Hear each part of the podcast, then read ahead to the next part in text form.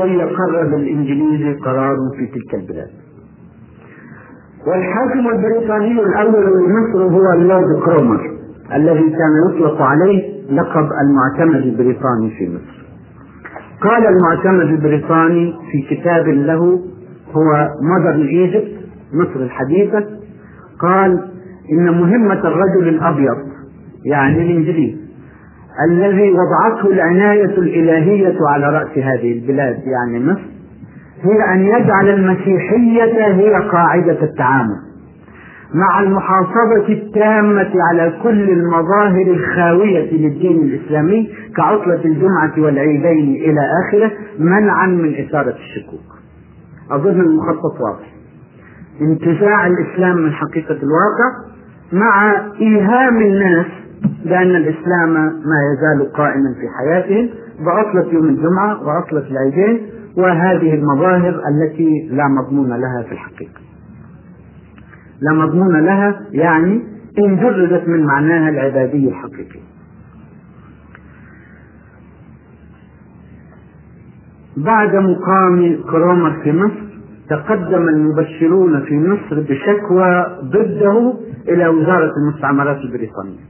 أنه يضيق على المبشرين ويحارب نشاطهم شكوى غريبة. فأرسلت الشكوى إلى كرومر ليرد عليه. فجمع المبشرين. وقال لهم هل تتصورون أنني أحاربكم؟ وأنني أحارب نشاطكم؟ إن هذا لا يمكن. ولكنكم تتبعون وسائل تستفز المسلمين تختطفون الأطفال وتنصرون الناس قسرا. فيستفز هذا مشاعر المسلمين فيتمسكون بدينهم أكثر. أما أنا فقد اتفقت مع شاب تخرج حديثا في كلية اللاهوت في لندن Trinity College في لندن وهو المستر دانلوب الشهير مستشار وزارة المعارف البريطاني في مصر. اتفقت معه ليجيء إلى مصر ويضع منهجا تعليميا سيحقق لكم كل الأغراض التي تهدفون إليها. وقد كان. ومنهج دانلوب هو مع الأسف الذي يسري إلى هذه اللحظة لا في مصر وحدها لكن في مجموعة واسعة من البلاد العربية والإسلامية ماذا صنع دلوك الأزهر أو التعليم الديني هو عدو الاستعمار الصليبي والصهيوني ومن قبل غضب نابليون على الأزهر فضربه بالقنابل. قد لا يعلم كثير منكم أن نابليون تظاهر بالإسلام وسمى نفسه الشيخ محمد. وكان يلبس جبة وقفطانا وطرطورا. وكان يرأس مجلس العلماء في القاهرة. في البيت الذي بيت الألفي وهو أحد المماليك كان يعيش نابليون وكان يرأس ديوان العلماء. وكان بين الحين والحين يخلع عليه من خلع الثنية كعادة السلاطين والخلفاء. وفي إحدى المرات غضب أحد العلماء أحد مشايخ الأزهر فاء إلى نفسه وأدرك حقيقة اللعبة فألقى بالخلعة الثانية في وجه نابليون. لا أذكر اسمه الآن على وجه التحديد والغالب أنه الشيخ المحروقي. وقال لنابليون لو كنت مسلما حقا لطبقت الشريعة الإسلامية في بلادك فرنسا بدلا من أن تسعى إلى تنحية الشريعة الإسلامية هنا ووضع قوانين وضعية بدلا منها. فغضب نابليون. وأدرك أن ورقته قد انكشفت وأن علماء الدين هم الذين كشفوها فأمر بضرب الأزهر بالقنابل من القلعة ودخلت الخيل الأزهر كما يقول جلال كشك في أحد كتبه جعل عنوانا له ودخلت الخيل الأزهر. الفرنسيون حمقى الفرنسي يغضب فيضرب لكن الإنجليزي أخبث. عند الإنجليز مثل مشهور. But sure بطيء ولكنه أكيد مفعول هم يريدون أن يضربوا الأزهر لكن لا على طريقة نابليون الحمقاء. فقد كان من آثار ضرب الأزهر إحدى ثورات القاهرة التي طردت نابليون في النهاية. أما الإنجليز ببعودهم وبهذا المثل الذي يتمثلون به بطيء ولكنه أكيد مفعول فقد اتبعوا خطة أخرى بطيئة ولكنها أكيدة المفعول. ترك دنلوب الأزهر لم يتعرض له على الإطلاق. ثم افتتح مجموعة من المدارس الابتدائية. يتعلم التلميذ فيها أربع سنوات. ثم يتخرج وفي لحظة تخرجه يعين موظفا في دواوين الحكومة أما خريج الأزهر الذي قضى أربع سنوات أو ست في التعليم الأولي وخمس سنوات أو ست فيما يعادل الثانوي وعشر سنوات أو عشرين أحيانا في التعليم العالي حتى يتخرج فلم يجعل له وسيلة إلى دواوين الحكومة. لا يعين في أي وظيفة إلا وظيفة مقيم شعائر في المساجد يؤذن يؤم المصلين يخطب خطبة الجمعة وجعل راتبه مائة وعشرين قرشا وراتب الولد المتخرج في المدرسة الابتدائية أربع جنيهات. طبعا الجنيه المصري كان في ذلك الوقت يعني شيئا ضخما جدا وكانت الأربع جنيهات تكفي للحياة وللزواج وللشراء دار ويتوفر كمان شيء يشتري به أرض زراعية حين يكون لك ولد وتريد أن تعلمه أين تذهب به؟ إلى مدرسة دنلوب أم إلى الأزهر؟ لقد قال الناس يومئذ إن هذه المدرسة مدارس كفر لأنها لا تعلم القرآن ولا تعلم الإسلام لكن ثقل الأربعة جنيهات جر الأبناء تباعا إلى مدارس الكفر وترك الأزهر. لا لا يذهب إليه أحد إلا الفقراء الذين لا يملكون مصروفات التعليم في مدارس الحكومة. ومن هنا آه، دب النسيان والإغفال إلى الأزهر ونشطت هذه المدارس التي لا تعلم القرآن ولا تعلم الإسلام. مرة ثانية وضع دل سمومه في المنهج التعليمي. كان يعطي مدرسي جميع جميع المواد اللغة الإنجليزية والرياضيات والجغرافيا والتاريخ اثني عشر جنيه. ومدرس اللغة العربية يعطيه أربعة جنيهات. كيدا منه ماذا تكون النتيجة؟ تكون أن معلم اللغة العربية لا يكون في صدر المدرسة إنما يكون في الزيت وكثيرا ما كان يقع أن بواب المدرسة القديم الذي له أقدمية يكون راتبه أكبر من راتب معلم اللغة العربية. ينعكس هذا بالطبع على احترام التلاميذ لمدرس اللغة العربية. وهم يعلمون أنه في ذيل القافلة وليس في مقدمة الزمان وينعكس هذا لا على معلم اللغة العربية بل بالتالي على المادة التي يدرسها فلا تصبح اللغة العربية موضع احترام. ولا يكون لها ما يكون مثلا لدرس اللغة الإنجليزية من التوقير والاحترام. حين يخطئ إنسان في اللغة الإنجليزية يقول مثلا I is ولا he he are يصبح سخرية. للناس كلهم. انظر إلى الجاهل كيف يخطئ. أما من يخطئ في قواعد اللغة العربية فلا تثريب عليه على الإطلاق.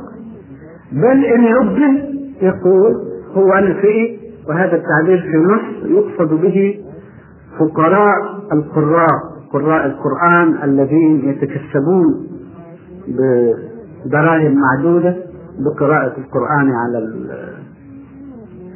في المدافن وغيره. فينفي كثير مع نفسه حين يطالب بإتقان اللغة العربية؟ يقول يا شيخ وأنا سئت أما الخطأ في اللغة الإنجليزية فغير مغفور ثم حين يكون لك بنت تريد أن تزوجها وتقدم لك معلم لغة عربية وأي إنسان آخر فلمن تعطيها؟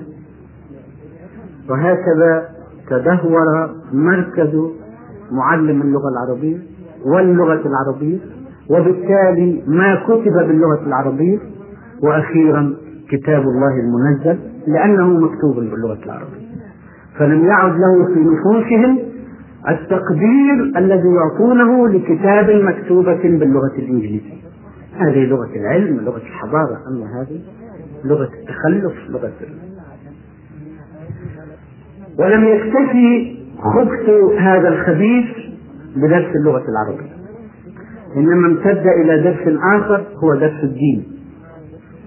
من الذي يدرس الدين؟ هو واحد من هذه الفئة المنبوذة فئة اللغة العربية. ولكن لإتقان الشيء أكثر يختار أسن المدرسين وأعجزهم فيعطيه درس الدين بحجة أنه ضعيف. نريحه نعطيه جدول خفيف. ثم يوضع درس الدين في نهاية اليوم الدراسي. فإن كان اليوم سبعة دروس فالدرس السابع هو درس الدين. إن كان اليوم ستة دروس ستة دروس فالدرس السادس هو درس الدين. والتلاميذ مجهدون من جهد اليوم الدراسي كله وأعصابهم قلقة متوقفة يستمعون إلى ضرب الجرس لينفلتوا في الطريق يعطى لهم درس الدين. فيتمثل في درس الدين العجز والفناء الموجود في المدرس والضيق والبرم الموجود في الدرس. لكي تعلموا أن هذا مخطط فقارنوا بالنسبة إليه درس الدين المسيحي في المدارس التبشيرية التي يذهب إليها أبناء المسلمين. يوضع درس الدين في أول الجدول الدراسي أول حصة هي حصة الدين. ولا في فصل الدراسة بل في كنيسة المدرسة. يعني في جو عبادي مش جو تلقيني مش نصوص تحفظ إنما ممارسة فعلية في كنيسة المدرسة. ثم يعهد بدرس الدين إلى أصبح المدرسين والمدرسات وأحبهم إلى قلوب الأطفال. لكي يحبوا ذلك الدرس يحبوا ذلك الدين وينسلخوا من إسلامه. مقارنة بسيطة بين درس الدين المسيحي في المدرسة التبشيرية لأبناء المسلمين ودرس الدين الإسلامي في مدارس الحكومة تعطيكم النتيجة. ولم يكتفي الخبيث بهذا القدر وهو قدر سام. ولكنه مد خبائثه إلى درس التاريخ الإسلامي.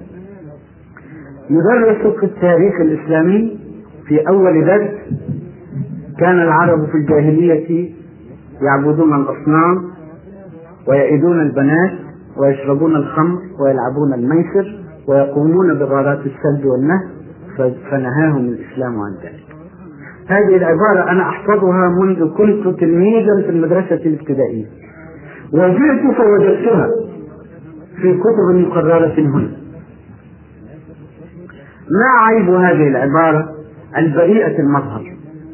أوليس هذا كان واقع العرب في الجاهلية؟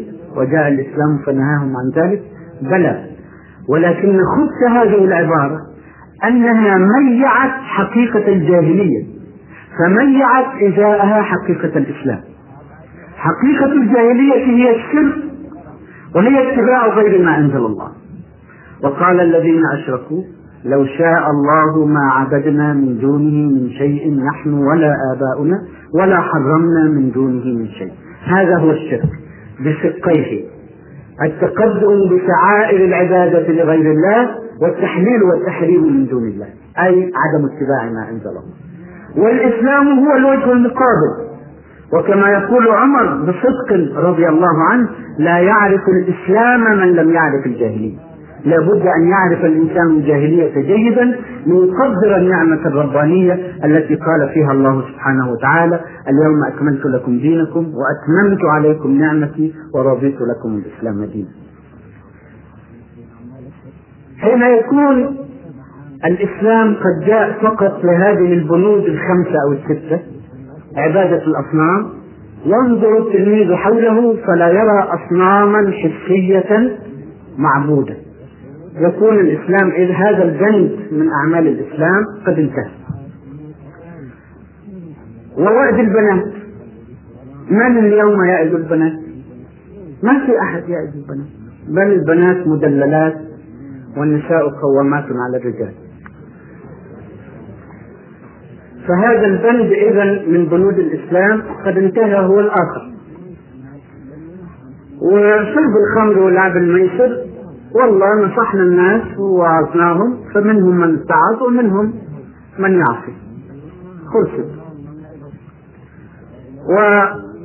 وغارات السلب والنهب أصبح فيه البوليس أصبح فيه شرطة ومخاطر وتحقيق والسجون فماذا بقي للإسلام يؤديه للبشرية المعاصرة؟ لا شيء. ما دام قد حصر في هذه البنود الخمس أو الخمسة أو الستة فقد انتهى ولم تعد له مهمة يؤديها في العصر الحاضر. وأخفي عن التلاميذ عمدا الوثنيون في آسيا وأفريقيا. وأخفي عن التلاميذ عمدا أنهم لا يحكمون بما أنزل الله وأن هذا شرك. وأن الإسلام قد جاء ليزيل هذا الشرك من الأرض ويعبد الناس لله العبادة الحقة بتقديم شعائر العبادة إليه وبتنفيذ شريعته وإقامة منهجه. أخفي هذا كله عن الكلام. ثم بعد ذلك يعرض لهم فضل الإسلام بكل الأضواء المسلطة عليه ثم فجأة يدرس لهم التاريخ السياسي للإسلام. تاريخ بني أمية سياسي تاريخ بني العباس السياسي تاريخ العثمانيين كثير والتاريخ السياسي في حياة المسلمين هو أسوأ ما فعله المسلمون في تاريخهم على الإطلاق. فلان قتل فلانا من أجل الحكم فلان دس السم لفلان من أجل الحكم. وهو حقيقة وواقع لكن حين تكون لديك صفحة بيضاء فيها خط أسود. فتخفي البياض كله من الصفحة وتبرز الخط الأسود وحده. هل تكون قد قلت الحقيقة؟ مع أن الخط الأسود في ذاته حقيقة. لكن حين تخفي البياض كله تكون قد شوهت الحقيقة. تحرير البشر من عبادة البشر وهو أهم وأجل ما جاء به الإسلام. بنزع التشريع من البشر ورد حق التشريع لله وحده فيكون البشر كلهم عبيدا لإله واحد ولا يكون بعضهم أربابا لبعض. هذا لا يذكر عنه شيء. الأمة الواحدة التي صهرها الإسلام وأذاب أجناسها ولغاتها وألوانها وصهرها في توثقة الإسلام فصارت تلك الأمة التي قال فيها خالقها كنتم خير أمة أخرجت للناس. هذا لا يقال عنه شيء. صدق الوفاء بالمواثيق الذي اشتهر به المسلمون. هذا لا يقال عنه شيء. التكافل الاجتماعي الذي تميزت به هذه الأمة تنفيذا لمنهج الله سبحانه وتعالى لا يقال عنه شيء. الحركة العلمية التي ابتدعها المسلمون الذين ابتدعوا المنهج العلمي المنهج التجريبي في البحث العلمي والذي قامت عليه كل الحركة العلمية الأوروبية المعاصرة. وقد كان العلم من قبل نظريات فلسفية فحولها المسلمون إلى تجارب ووقائع ومنهج تجريبي. هذا لا يقال للتلاميذ عنه شيء. الحضارة الإسلامية المتفردة في التاريخ التي تأخذ الإنسان كله لا جسده وحده ولا روحه وحدها ولا عقله وحده إنما تأخذه كلا متكاملا. فتبني في عالم المادة وهي تبني في عالم الروح وهي تبني في عالم الفكر وهي تبني في عالم الأخلاق. وابتغي فيما آتاك الله الدار الآخرة ولا تنس نصيبك من الدنيا. هذا لا يقال عنه شيء للتلاميذ إنما يدرس لهم فقط الخط الأسود الخط السياسي. وحين يخلى الإسلام من كل القيم فما الذي يملأ الفراغ يوجهون إلى أوروبا؟ أوروبا هي الحضارة. أوروبا هي حقوق الإنسان. المجمع ثالثة أوروبية. الحضارة أوروبية. العلم أوروبي. التقدم الصناعي أوروبي. الديمقراطية أوروبية. حقوق الإنسان أوروبية. فماذا تكون الحصيلة في نفوس التلاميذ؟ حين يدرس لهم تاريخ الإسلام بهذه الصورة المزيفة وتدرس لهم أوروبا مسلطة عليها الأضواء. النتيجة الحتمية أن يسعوا إلى الانسلاخ من الإسلام والاتجاه بقلوبهم وأرواحهم إلى أوروبا وهذا هو الذي كان وهذا هو الغزو الفكري. اتجهت أجيال من المسلمين لا تعرف عن الإسلام شيئا إلا الشبهات التي بذرها فيها معلموها من الصليبيين والصهيونيين. اتجهت إلى أوروبا مستعبدة القلوب والأرواح. لأول مرة في تاريخ المسلمين ينظر المسلم أو من يحمل اسما مسلما إلى الجاهلية المعاصرة على أنها أفضل من الإسلام. هل نقول الهزيمة العسكرية هي التي سببت ذلك؟ لا. لقد هزم المسلمون أمام الصليبيين أول مرة ولكنهم كانوا يمقتون الصليبيين ويحتقرونهم كتبوا عنهم في كتبهم كتب التاريخ إنهم لا أعراض لهم. إنهم دياييس يكون الواحد منهم سائرا مع زوجته فتلتقي بصديقها فينتحي الزوج ليخلي المجال للزوجة وصديقها. وكانوا يحتقرونهم احتقارا مرا من أجل هذه العادة فيهم. انظر بعد ذلك إلى صحفي منذ سنوات يكتب في مجلة إلى متى نظل متأخرين؟ يكون الإنسان سائرا مع زوجته فتلتقي بصديق لها فيصر الزوج على أن يحضر المقابلة. إلى متى نظل نشعر بهذه الغيرة الحيوانية؟ إنها دليل التأخر. هذا هو فارق الجيلين ليست الهزيمة العسكرية. لقد هزم المسلمون أمام التتار وذلوا بأجسادهم. لا بأرواحهم أمام التتار حتى تروي كتب التاريخ بعد مذبحة النهر أربعين ليلة في بغداد حتى جرى النهر أحمر من دماء المسلمين. كما تروي كتب التاريخ ذلوا حتى إن التترية لا يلقى المسلم بغير سلاح. فيقول له ابقى مكانك التتري يقول للمسلم ابقى مكانك حتى أحضر السيف فأقتلك. فيبقى المسلم مكانه حتى يأتي التتري بالسيف فيقتله ذلت أجسادهم. فهل ذلت أرواحهم؟ ذلت قلوبهم؟ لا. لقد كانوا يشعرون بالاستعلاء. الذي قال لهم الله أنهم إن كانوا إنهم إن كانوا مؤمنين فيشعرون به. ولا تهنوا ولا تحزنوا. وأنتم الأعلون إن كنتم مؤمنين. أما في الآونة الأخيرة فالإيمان لم يكن موجودا بحقيقته في الصدور. فلما وقعت الهزيمة العسكرية حدث ذلك الانبهار بما عند الغرب. كل ما عند الغرب جميل، هلموا اسرعوا أحضروا من عند الغرب كل ما عندهم اتبعوهم في كل شيء نبذ الغرب دينه فانبذوا دينكم عر الغرب نساءه فلتعروا نساءكم في الطريق وفي الشواطئ وفي كل مكان. هكذا فعل بالمسلمين. هكذا توغل الكيد في قلوبهم. إن الكيد أنا أفزع حين أنظر إلى عقارب الساعة. معذرة يعني أطلت عليكم. إن الكيد ليس محصورا في الكيد السياسي ولا في الكيد الحربي. ولا في الكيد الاقتصادي الذي سرق ذخائر المؤمنين المسلمين ومواردهم وتضخمت بها أوروبا.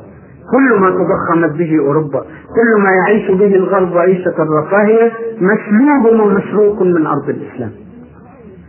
ليس الكيد مقتصرا على ذلك. إنما توغل في صورة الغزو الفكري ليسمم مجرى العقيدة في قلوب المسلمين. وهذا أخطر ما حدث. ولكني أختم الحديث عن الكيد وأختم حديثي كله بمؤامرة ضخمة. أظنها الآن واضحة وما كانت واضحة للمسلمين قبل نصف قرن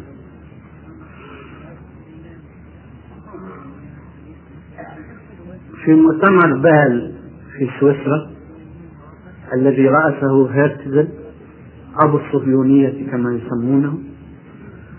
هذا المؤتمر عقد في 1897 للميلاد. تقرر في ذلك المؤتمر ضرورة إنشاء الدولة اليهودية في خلال خمسين عاما وإذا حسبتم التاريخ ففي عام 1947 للميلاد أي بعد خمسين عاما بالضبط من مؤتمر هيرتزل أنشأت إسرائيل وأعلنت دولة وحقيقة واسعة. وإن كان اعتراف الدول قد جاء في عام 1948 إلا أنها كانت قائمة بالفعل. وجرت مسرحية الحرب ثم الهدنة ووقفت الجيوش عند خط التقسيم المتفق عليه سلفا ووجدت إسرائيل ووجدت لتبقى كما يكون. ماذا فعل اليهود في خلال الخمسين عاما التي تلت ذلك المؤتمر الشرير لقد ذهبوا إلى عبد الحميد رحمه الله وغفر له وكتب له الجنة والرضوان. ذهبوا إلى عبد الحميد ذهب هيرسدل بنفسه فعرض عليه ما يغري أي حاكم في الأرض. لو أنه يريد الأرض والحياة الدنيا عرض عليه أن يحل أزمة تركيا السياسية والاقتصادية. كانوا يسمون تركيا في ذلك الوقت الرجل المريض. من كثرة المشكلات التي كانت تكتنف الدولة. عرض عليه أن يقرض دولة الخلافة قروضا طويلة الأجل. وعرض عليه أن ينشط الاقتصاد التركي. وعرض عليه أن يتدخل لدى روسيا وبريطانيا لتكف عن إثارة الأقليات وكانت هاتان الدولتان تغريان الأقليات بالثورة على دولة الخلافة روسيا تغري الأرثوذكس وفي مقدمتهم الأرمن أصحاب المشاكل للدولة العثمانية. وبريطانيا تتبنى الكاثوليك والبروتستانت مع أنها هي بروتستانتية. وكلتاهما تكيد للدولة. كلما هدأت فتنة تثار فتنة جديدة حتى تظل رأس الدولة دائرة لا تستقر ولا تطمئن. فعرض هيرسدل أن يحل كل هذه المشكلات مقابل شيء قليل. أن تعطونا أرضا في فلسطين نقيم عليها وطنا قوميا لليهود ورد الخليفة المسلم بحسه المسلم بقلبه المسلم فقال لهاتفا إن هذه ليست أرضي ولا أستطيع أن أتصرف في شبر واحد منها. إنها أرض المسلمين ولقد رووها بدمائهم وما أستطيع أن أتصرف فيه وكانت النتيجة كما تعلمون عزل عبد الحميد ونفي من الأرض. ثم لعبت اللعبة الكبرى فجيء باليهودي المتمكن. كمال أتاتورك ليلغي الخلافة ويقيم أول دولة علمانية في تاريخ الإسلام. ولم يكتفي اليهود بهذا. إنما أثاروا العالم الإسلامي بعضه على بعض. فنفخوا في الأتراك. من خلال حزب مصر الفتاة حزب تركيا الفتاة حزب الاتحاد والترقي ومعظم أعضائه من اليهود المتمسلمين وبقيتهم من المسلمين المستغفرين نفخوا فيهم الروح الطورانية القومية الطورانية. بل جعلوا شعار هذا الحزب هو الذئب الأخضر معبود الطورانيين في جاهلية.